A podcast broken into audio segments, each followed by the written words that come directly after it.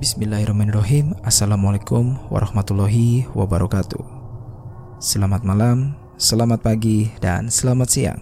Buat teman-teman semua yang sedang mendengarkan saya kali ini Saya Doni. Selamat datang di Merinding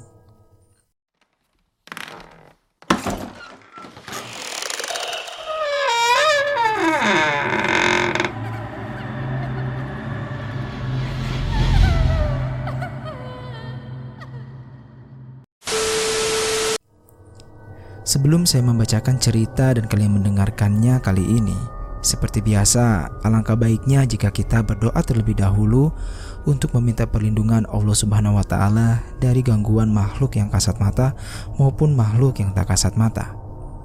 Berdoa dimulai.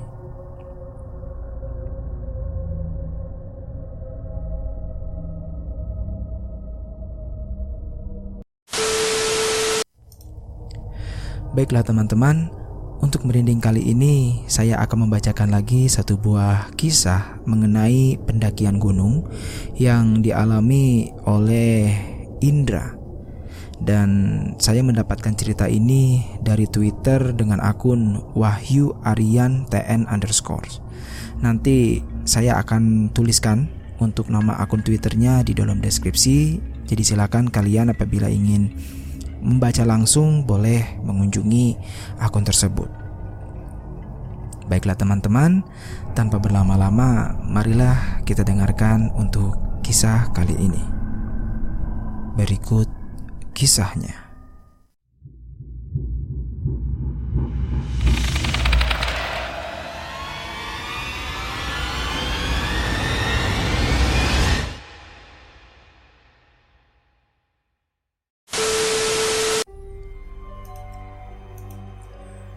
Bismillahirrahmanirrahim. Semoga kita semua selalu senantiasa sehat dan diberikan kekuatan dalam menjelajah segala babak kehidupan di dunia ini. Jangan lupa doa dan jangan tinggalkan ibadah agar semua yang kita lakukan berdampak baik kepada kita dan sesama. Surakarta 2018 Sudah lama aku tidak menghirup suasana sejuk pegunungan merasakan dekapan kabut dan mencium aroma tanah gunung sehabis hujan turun. Rasa rinduku pada gunung tak lagi terbendung, benar-benar membuatku ingin kembali lagi ke sana. Setelah enam bulan lamanya, ku gantung carrier karena sibuk dengan pekerjaan baruku. Tapi kali ini melihat gunung, hatiku selalu meronta, seakan meminta agar aku bertualang lagi. Gayung bersambut, seakan Tuhan mengamini keinginanku. Minggu depan ada libur panjang di kantorku. Lantas, aku langsung berkabar dengan satu temanku yang bernama Yayat untuk kembali mendaki gunung lagi. Kali ini, aku dan Yayat memiliki keinginan yang sama, yaitu mendaki Gunung Kembang via Desa Blembem. Gunung yang memiliki ketinggian tidak lebih tinggi dari Gunung Perahu ini sering kali diremehkan karena ketinggiannya yang tak seberapa. Tapi banyak di antara mereka mengaku kapok dan tidak ingin mendaki ke sana lagi setelah merasakan medan sadis yang harus dilalui agar sampai ke puncaknya. Atas dasar itu, kemudian Gunung Kembang dijuluki sebagai gunung yang kecil-kecil cabai rawit karena medannya yang tak kenal ampun. Aku dan Yayat berencana berangkat Rabu malam dari Surakarta dan rencana naik esok harinya. Tidak terbesit sedikit pun tentang hal-hal negatif di kepala kami berdua, karena bukan hal baru buat kami mendaki di hari Kamis ataupun Jumat. Singkat cerita, waktu berlalu. Hari di mana yang kami tentukan tiba. Setelah sama-sama lelah bergelut mencari penghidupan di dunia, kami berdua berangkat malam hari dengan menggunakan bis. Dengan kecepatan yang kian lama kian melesat, bis terus berjalan membelah jalanan malam hari kala itu. Sementara aku dan Yayat menghabiskan waktu perjalanan kami dengan tidur. Mas, mas, sudah sampai mas, bangun. Aku dengar sebuah suara sambil menepuk bahuku berkali-kali. Alhamdulillah, aku telah sampai di terminal Mendolo jam 3 pagi. Udara dingin menyambut kedatanganku dengan Yayat hingga langsung menyebabkan bulu kuduku menari-nari sendirinya.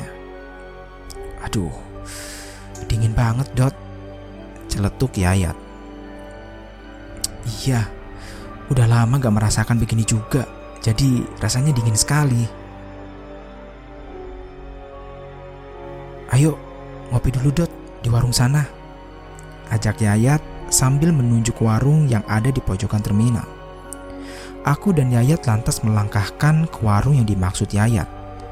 Perlahan dan perlahan langkah kami semakin dekat. Sebuah pemandangan tak enak menyambut melihatan di kedua mataku. Ya, aku melihatnya. Sesosok makhluk seukuran manusia dewasa, laki-laki, dengan kulit pucat berdiri menunduk di salah satu sudut warung. Dengan taring yang tumbuh di mulutnya, ia tampak sedang asik menyantap salah satu menu makanan yang ada di dalam warung itu. Rasanya, melihatnya saja aku tidak ingin, tapi apalah daya, mataku terlanjur melihatnya.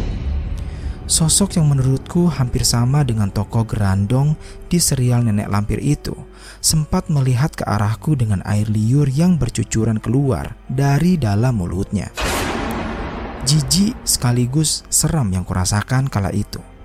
Kemudian aku pun memanggil Yayat setelah melihat sosok tersebut. Yat, gimana Dot? Ayolah, sudah dingin ini. Jawab Yayat kesal sambil terus berjalan ke arah warung. Yat, panggilku lagi sambil menarik kerirnya dari belakang. Lantas mengajaknya menjauh dari sana. Eh, eh, nopo dot? Ucap Yayat dengan muka kesal. Tanpa menjawab, aku membawa Yayat pergi menjauh dulu dari sana. Setelah kurasa cukup aman, barulah aku menjelaskan atas apa yang kulihat barusan. Yat. Yowes, aku ngerti maksudmu. Ucapnya menyela perkataanku. Hah? Ngerti apa tuh, Yat?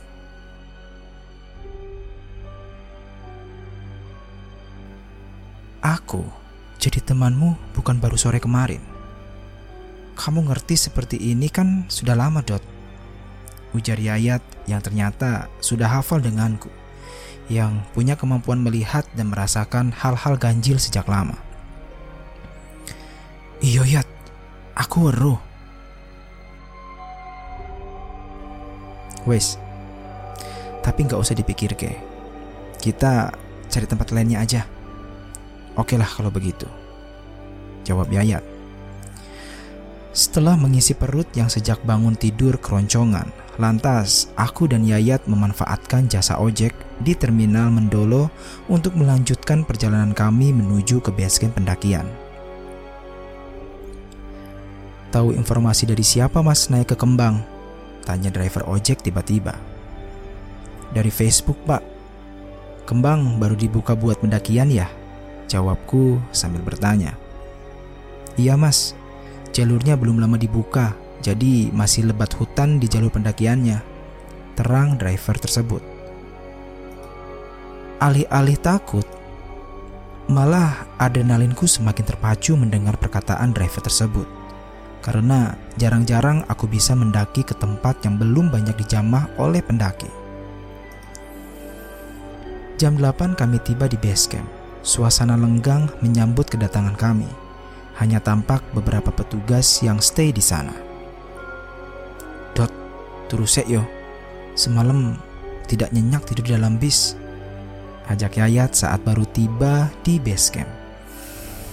Hmm, apa nggak kesorean nanti sampainya? Tanya aku. Ora, paling juga cepat sampai puncaknya. Hmm, kalau begitu, ya sudah. Aku juga capek. Jawabku saat itu. Saat itu, aku dan Yayat masih berpikiran bahwa Kembang adalah gunung yang ramah dan gak perlu waktu lama untuk mendakinya, karena ketinggiannya yang tak lebih dari 2500 mdpl. Suasana basecamp yang sepi seakan mendukung untuk kami berdua rehat tidur sebentar sebelum memulai pendakian. Masing-masing dari kami tidur beralaskan tikar dengan bantal carrier yang kami bawa. Akibat tubuh yang lelah dan perjalanan yang cukup jauh, akhirnya mataku perlahan berat dan padam. Di tengah larutnya aku dalam tidur, di bawah alam sadar ini, aku diberikan sebuah pertemuan. Aku sempat bingung siapa yang sebenarnya mendatangiku di antara gelapnya penglihatanku dalam mimpi kala itu. Dia perlahan datang dengan memanggil namaku berkali-kali. Siapa? Siapa dia? Tanyaku terus-menerus dalam hati. Lama-lama, seseorang tersebut nampak di depan mataku.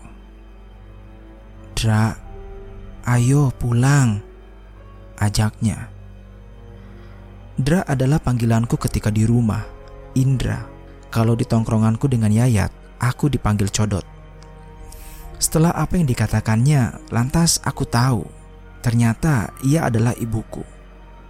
Bu, ibu, panggilku. Ayo pulang Dra, ucapnya sama. Aku bingung, kenapa ibu datang ke sini di dalam mimpiku memintaku untuk pulang. Baru saja aku ingin membuka mulut untuk tanya sebenarnya ada apa dan kenapa ibu mendatangiku lewat mimpi. Tiba-tiba tidurku terkoyak tak kala ketukan tangan di pundak membangunkanku. Dot, tangi Dot, ucap Yayat membangunkanku. Oh, potoh, jawabku kesal. Jam piro iki? Susah bener dibangunin, ujarnya. Wih jam siji awan iki lo, sudah muncak ora? Tanya Yayat dengan sedikit meninggikan intonasinya. Sepertinya ia kesal karena aku sulit dibangunkan. Tapi saat bangun, aku masih dihantui rasa penasaran. Kenapa ibu menemuiku dalam mimpi dan mengajakku pulang? Apakah akan ada sesuatu yang akan terjadi nanti? Apakah akan ada hal-hal yang menyambutku nanti? Ah, semoga saja tidak ada. Aku selalu berkeyakinan, selama niatku baik, begitu pula aku mendapatkan balasannya, dan begitu juga sebaliknya. Apa aku ceritakan saja dengan Yayat? Ah, jangan. Aku tidak ingin perjalananku ini tersendat hanya karena aku. Aku memantapkan diriku sendiri sekali lagi. Bismillah, aman. Kenapa kowe dot? Tanya Yayat yang melihatku sedikit melamun. Ora dot, rak popo, Jawabku. Singkat cerita, setelah semua perlengkapan beres disiapkan, perut sudah diberi makan, sampailah saat aku mengurusi Maksi. Ya, aku, Yayat, lebih memilih diam bersandar kerir. Mas, yakin mau naik malam Jumat Kliwon begini? Tanya petugas base camp yang berjaga. Saat aku tengah mengurus si Maksi. Emang ini malam Jumat Kliwon pak Jawabku Karena aku sendiri tidak tahu kalau malam nanti adalah malam Jumat Kliwon Pikirku hanya malam Jumat biasa Iya mas Ya udah gak apa-apa yang penting mas sama temennya jangan aneh-aneh saat di atas dan jangan dihiraukan kalau menemukan hal-hal janggal. Terang petugas basecamp tersebut. Aku menelan ludah Jantungku seakan berhenti berdetak mendengar ucapannya.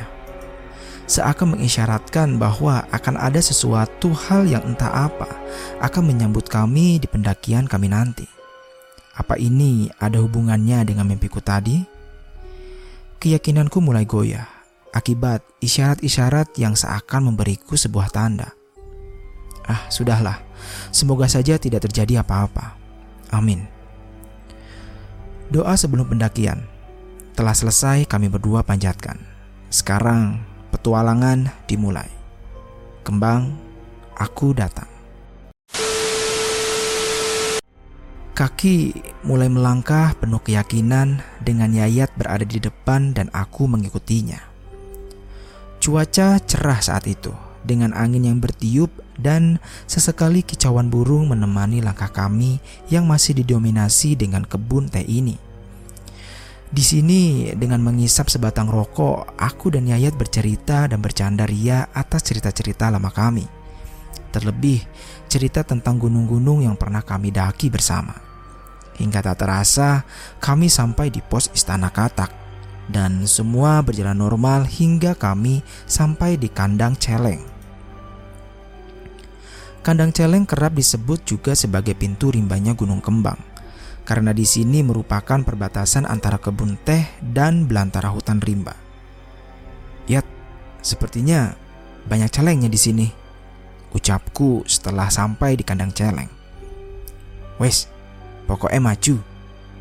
Jawab Yayat dengan semangat. Walau nafasnya masih terengah akibat medan di kebun teh yang langsung tak memanusiakan.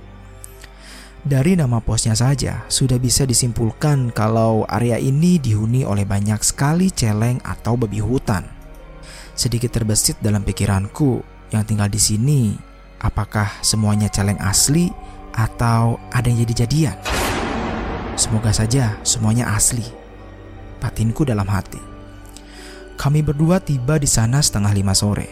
Maklum saja, kami termasuk dalam golongan pendaki siput alias lambat ditambah medan yang ternyata terjal dari awal. Membuat kami sedikit-sedikit berhenti. Kalaupun mau jalan cepat, apa sih yang mau dikejar? Jodoh. Duit. Kan gak ada ya. Serangga-serangga hutan mulai menggema bersahut-sahutan di seluruh penjuru hutan. Cahaya sore hari pun malu-malu mengintip dari balik pohon yang cukup lebat. Ternyata begini, menjamah gunung yang baru saja dibuka untuk pendakian sepi, dan sunyi.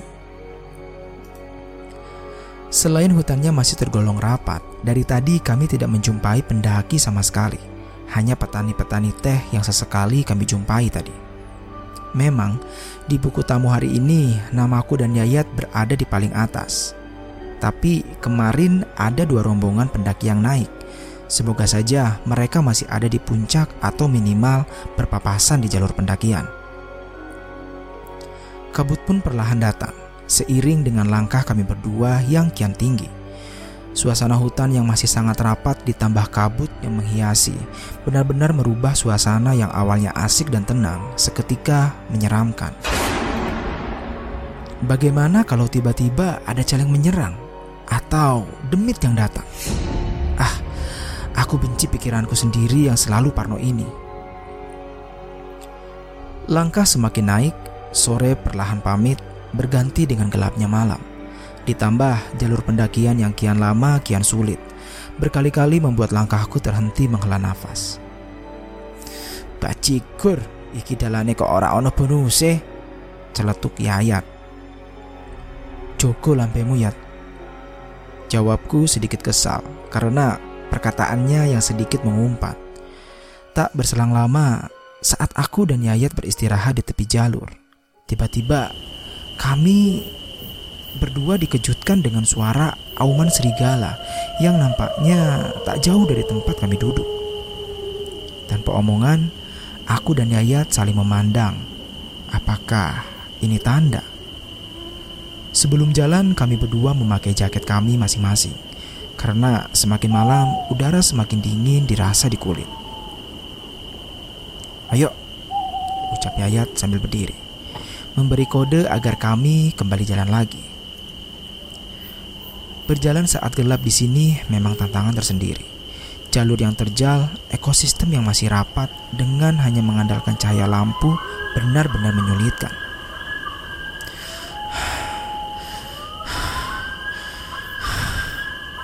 Nafasku dengan nafas Yayat saling bersahutan karena terus dihajar medan terjal ini.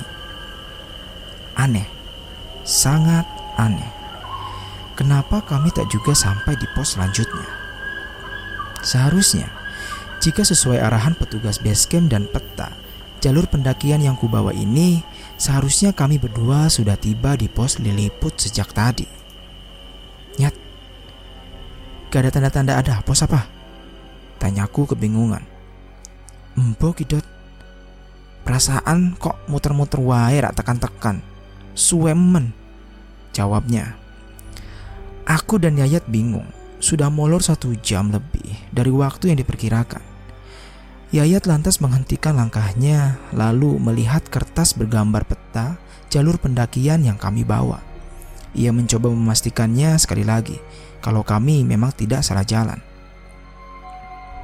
Bener kok, ucapnya. Jam sudah menunjukkan jam 7 malam lebih. Tapi setengah perjalanan juga belum kami tempuh. Sementara sudah menjadi pantangan dari base camp bagi setiap pendaki agar tidak mendirikan tenda di dalam hutan. Camp area hanya ada di puncak gunung. Dot, rokosek lah, ajak Yayat. Aku tahu, dalam hati Yayat juga takut menyaksikan kejanggalan ini. Tapi ia menutupi ketakutannya dengan sebatang rokok yang ia hisap dalam-dalam kala itu. Aku dan Yayat pun kembali duduk di atas batang pohon tumbang di tepi jalur. Suara serangga hutan masih terus menemani kami. Auman serigala juga berkali-kali masih kerap sampai di telinga kami berdua, yang cukup membuatku dan Yayat bergidik tak kala mendengarnya. Kalau aku tidak mengatakannya, aku yakin Yayat tahu bahwa aku pun takut.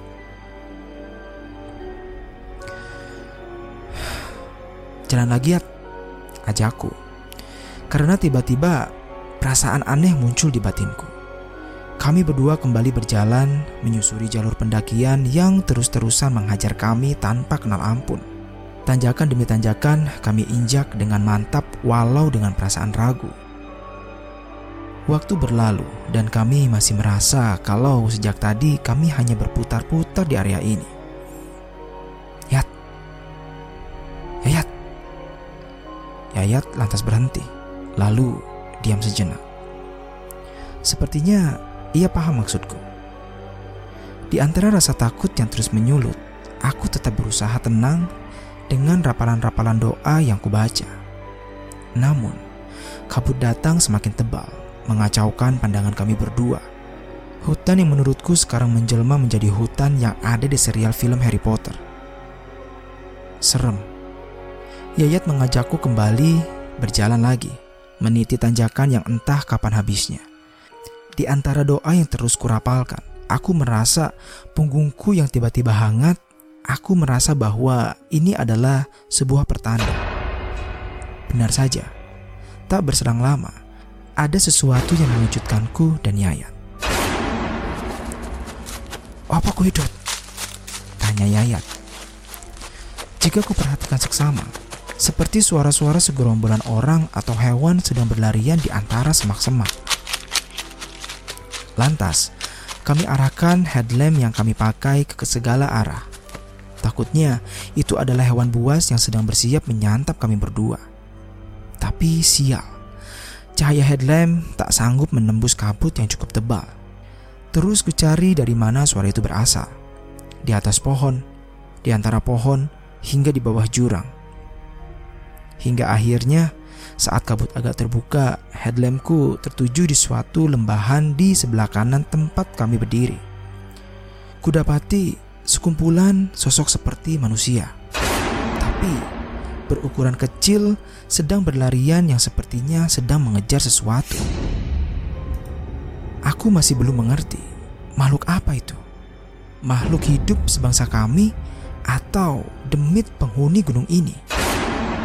Namun sial, salah satu di antara mereka ada yang merasa kalau sedang kuperhatikan. Matanya terlihat mengarah kepadaku.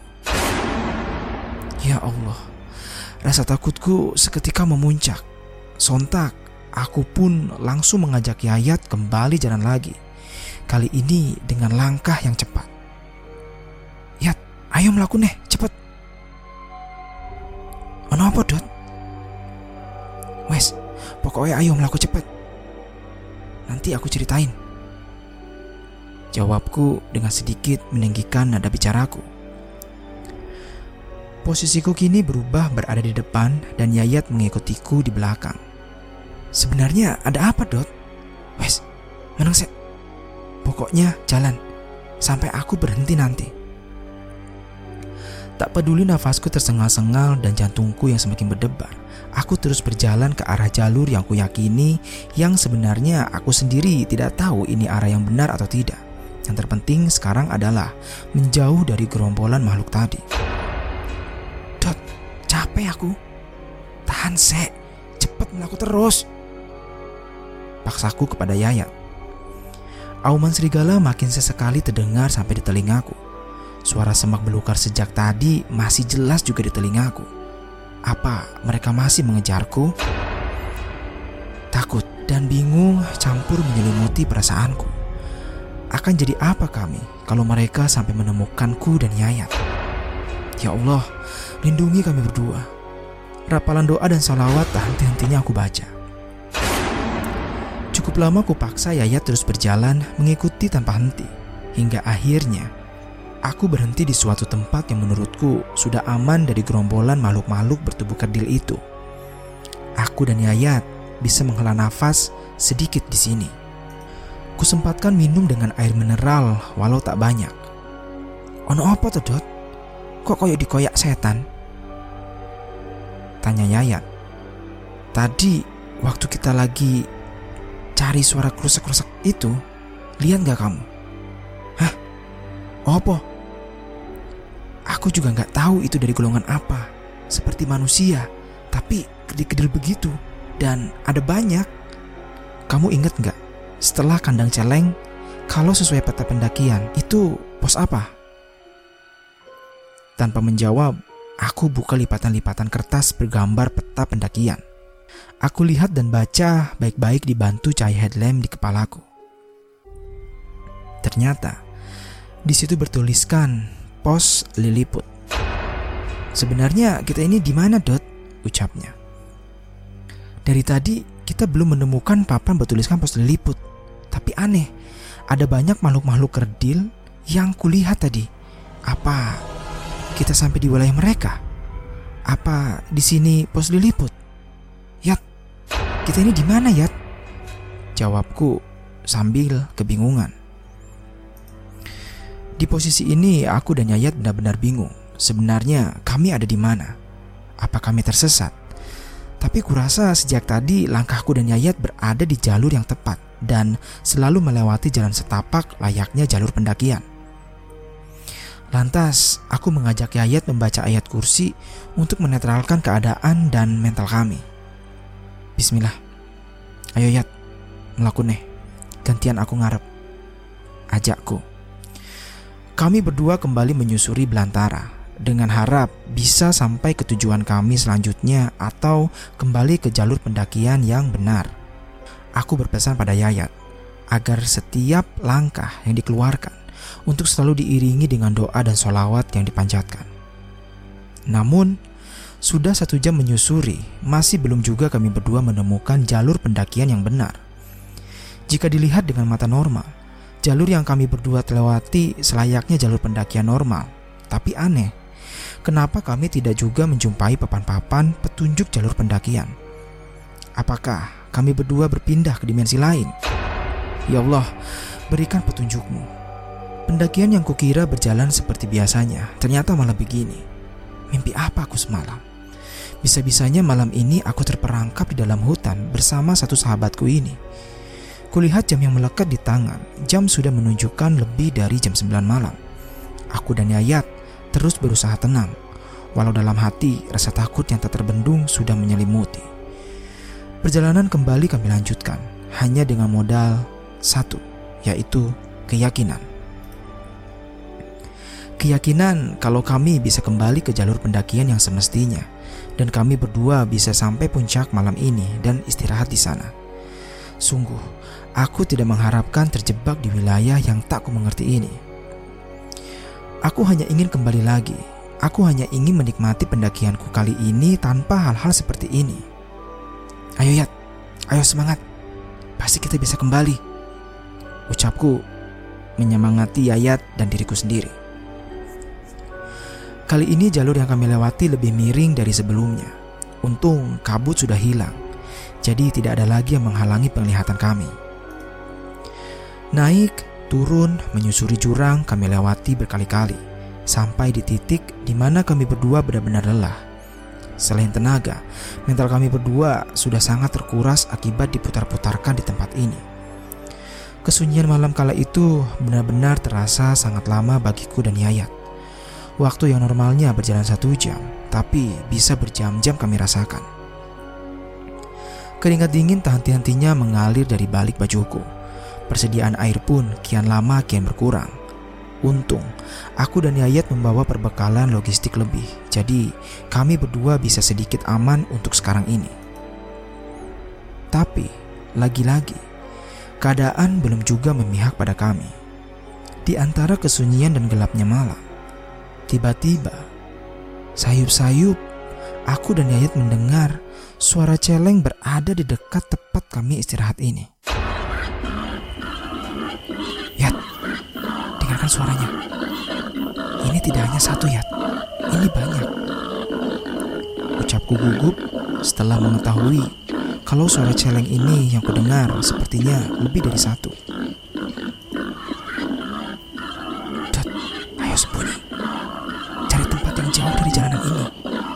Sepertinya celeng-celeng itu bakal lewat jalan ini.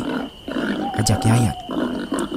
Dengan hati-hati, aku dan Yayat melangkah lagi mencari tempat aman untuk kami berdua bersembunyi dari gerombolan celeng-celeng yang akan mendekat itu. Olesi kiri badan kita dengan minyak angin ini agar bau makanan yang kita bawa tidak tercium sampai di celeng-celeng itu. Suruh Yayat. Kami berdua sembunyi di balik batu besar dan batang-batang pohon yang tumbuh mengelilinginya. Headlamp sudah mati. Cukup jauh tempat ini dari tempat kami istirahat tadi. Tapi penglihatan kami, sayup-sayup masih bisa sampai melihat ke sana karena kabut yang sudah hilang dan cahaya bulan yang sedikit terang. Dengan berkoloni, celeng-celeng tersebut lewat di jalan tempatku dan Yayat istirahat tadi. Ternyata mereka semua sedang mencari makan sangat banyak dan terus mengeluarkan suara yang aku sendiri tidak bisa menirukan atau menuliskannya sendiri. Silahkan, imajinasikan sendiri bagaimana suara celeng yang kamu tahu. Sampai-sampai aku pun bingung saat aku menghitungnya. Ukurannya pun macam-macam, dari yang berukuran masih peranakan sampai yang besar. Aku menelan ludah sendiri saat melihat celeng yang berukuran hampir sebesar kerbau. Besar sekali. Dalam doa aku selalu meminta agar bisa lekas bebas dari keadaan genting ini. Ingin rasanya aku lekas berlari sekencang mungkin dari sini. Tapi setelah aku perhitungkan baik-baik, pasti langkahku tidak akan ada apa-apanya jika dibandingkan dengan mereka celeng-celeng itu. Hah, lagi-lagi aku dipaksa bertahan di situasi yang sangat sulit ini. Kurasakan pundakku ditepuk oleh Yayat. Ia nampaknya juga heran melihat celeng berukuran raksasa itu. Tapi, ada yang membuat kami heran daripada itu. Bagaimana tidak? Di paling belakang ada makhluk yang awalnya aku pikir adalah manusia. Ternyata bentuk tubuh dan ukurannya yang tak jauh beda denganku dan Yayat. Ia menggunakan pakaian serba hitam dan tertutup kain di kepalanya, sehingga membuatku sulit melihat siapakah gerangan itu. Gelapnya malam benar-benar menyulitkanku dengan Yayat untuk memastikan siapakah seseorang yang berbalut kain yang serba hitam itu. Kubenarkan posisiku. Ku cari posisi senyaman mungkin. Tapi tetap dengan gerakan yang senyap agar tidak menimbulkan suara yang bisa mengundang celeng-celeng itu dan akan menerkam kami sesukanya. Kusempatkan lagi melihat Yayat. Ia tampak sangat ketakutan. Keringat tampak mengalir di antara headlamp di dahinya. Yat, aku wedi, kataku. Tapi keadaan memaksaku diam, supaya keadaan tidak menjadi semakin sulit. Mataku kembali mengarah pada sesosok makhluk yang belum kuketahui batang hidungnya itu. Saat itu, lama-lama mendekat dengan penglihatanku dan jelas aku bisa melihatnya. Ternyata, makhluk yang sempat kukira manusia itu adalah... Iya, ia berbadan manusia. Tapi yang tumbuh di atas lehernya bukanlah kepala manusia Tapi yang tumbuh di atas lehernya adalah kepala celeng. Ya Allah, pemandangan apa lagi ini? Kali ini aku benar-benar ingin sekali berlari dan teriak sekencang mungkin. Tapi bagaimana jika mereka menangkap kami berdua? Bagaimana jika aku dan Yayat dijadikannya sebuah hidangan bagi mereka malam ini? Rapalan doa semakin cepat kupanjatkan. Nafas Yayat ku dengar ngos-ngosan di telingaku. Aku yakin, barusan ia juga melihatnya. Sosok yang entah siluman celeng atau apalah itu. Lantas aku memberikan kode pada Yayat agar tetap tenang dan diam. Sampai apa yang ada di depan mata kami ini hilang. Kusempatkan lagi melihat jam. Dan aneh, jam yang tadi baik-baik saja tiba-tiba mati entah kenapa. Ya Allah, aku hanya bisa memanjatkan doa padanya. Apa ini arti dari mimpiku tadi? Apa ini alasan kenapa ibu menghampiriku dalam mimpiku tadi dan memintaku pulang? Kondisi kami yang semakin lemah tidak kami hiraukan. Yang terpenting saat ini adalah menguatkan mental kami. Tubuh boleh lemah, tapi asalkan hati, pikiran dan mental kami harus kuat. Aku yakin semua ini bisa kami lalui. Pokoknya setelah mereka hilang dari mataku, aku harus jalan lagi. Aku yakin aku bisa terbebas dari semua ini. Selama aku yakin pasti Allah selalu bersamaku.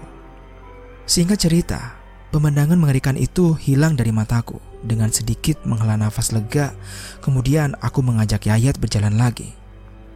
Kali ini, rencanaku adalah mencari tempat terbuka agar aku bisa melihat dengan bebas di mana posisi kami berdua berada.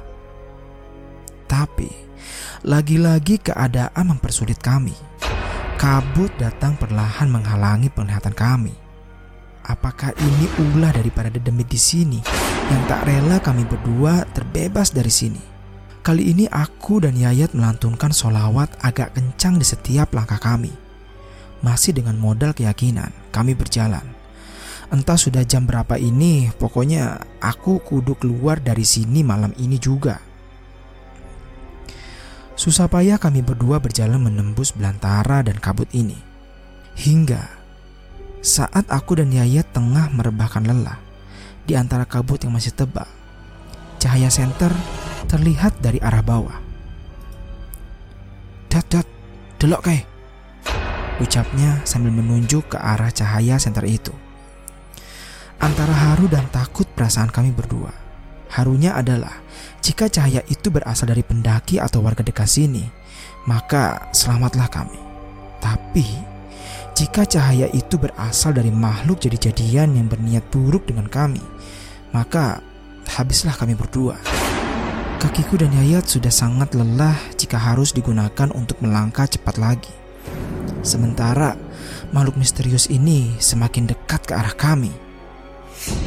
Aku dengan Yayat saling berhadapan dan berdoa agar yang datang itu merupakan makhluk kiriman Tuhan yang akan menolong kami berdua Cahaya senter itu semakin dekat, semakin dekat dan terdengar langkah kakinya hingga ke telingaku.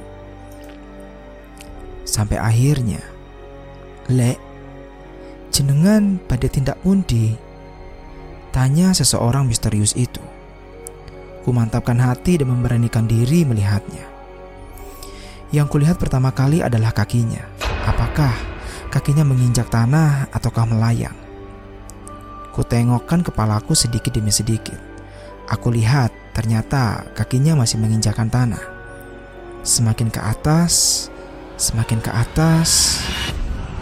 Sekarang yang kulihat adalah seorang manusia. Laki-laki setengah tua berkumis dengan ikatan kain batik di kepalanya, sedang berdiri menghadapku dan Yaya. Le, ucapnya lagi. Eh, enggak pak, Kula kalian rencang badai muncak, tapi kula nyasar duminggi meriki. Pungkasku. Jalannya bukan ke sini, Dek. Mari Bapak antar saja. Kemudian dia mengajak kami berdua. Aku dan Yayat saling tatap. Kami berdua kebingungan. Apakah Bapak ini benar akan mengantar kami atau malah akan menambah sulit keadaan kami? Pak, Bapak, dalamipun pundi? Tanya Yayat. Bapak orang sini nak, Bapak mau ke desa seberang sana. Bapak biasa lewat sini. Mari, Bapak antar saja. Tidak perlu takut dengan Bapak. Bapak ini meyakinkan kami berdua. Beliau lantas jalan lagi, meminta kami mengikutinya di belakangnya. Sementara aku dan Yayat sebenarnya masih bingung mau percaya atau tidak. Tapi yang terlintas di pikiranku saat itu adalah pertolongan seperti ini tidak akan datang dua kali. Semoga Bapak ini adalah kiriman dari Allah untuk menolong dan membawaku dan Yayat terbebas dari sini. Ayo Yat, diikuti wae, ucapku. Beliau jalan dengan cepat, membelah belantara hutan yang masih rapat hanya dengan menggunakan jaket tipis dan mengenakan sandal. Beliau jalan tanpa kesusahan. Sampai-sampai aku dan Yayat sering kali kerepotan mengikutinya. Pak, sejak tadi saya dan teman saya kesasar sampai sini. Lalu kami menemukan banyak keanehan di sini, Pak. Ucapku memberanikan diri. Ini malam Jumat Kliwon, nak. Setan-setan di sini sering iseng kalau waktu begini. Makanya, lain waktu kalian hati-hati.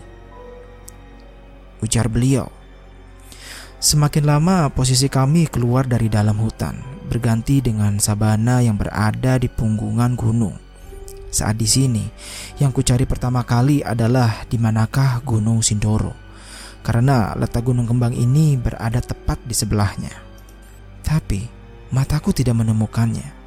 Aku masih bingung di mana posisiku berdiri sekarang. Aku terus mengikuti langkah bapak tersebut hingga sampailah kami di puncak gunung bebarengan dengan azan subuh yang berkumandang. Nak, ini sudah sampai puncak. Sekarang bapak tinggal ya, ucapnya. Belum sempat kami berdua menjawabnya, bapak tersebut langsung berjalan lagi ke arah berlawanan dari kami datang. Matur nuwun, Pak. Jawabku, walau beliau sudah berjalan cukup jauh. Sekarang aku dan Yayat bersyukur tiada henti. Setelah semalaman penuh terjebak di dalam hutan yang entah di mana letaknya, dan sekarang kami sampai di puncak dengan selamat dan terbebas dari sana. Kupaksa tubuhku dan Yayat sekali lagi untuk membangun tenda dulu. Untuk kami berdua merebahkan lelah tubuh kami yang sudah lemah ini. Singkat cerita, matahari perlahan menampakkan jati dirinya. Kami yang berada di dalam tenda merasakan kehadirannya.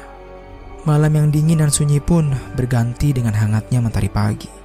Setelah cukup dengan tidur, kubuka tenda dan memasak untuk kami sarapan pagi ini. Di luar tak seorang pun kami temui, hanya ada tenda kami yang berdiri. Setelah semuanya beres, kusempatkan foto-foto dengan Yayat sebelum turun ke base camp. Aku pun kembali melihat jam tanganku yang semalam mati. Tapi anehnya, di sini jamku normal kembali.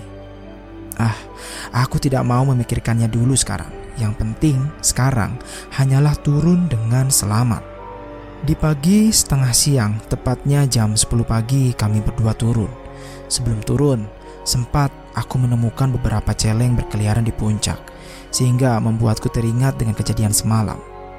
Nah, sudahlah lupakan. Sekarang aku mau turun dan yayat. Seperti perjalanan naik, saat turun tak seorang pun kami temui. Kami melangkah dengan hati-hati karena kami tidak ingin kejadian semalam terulang kembali.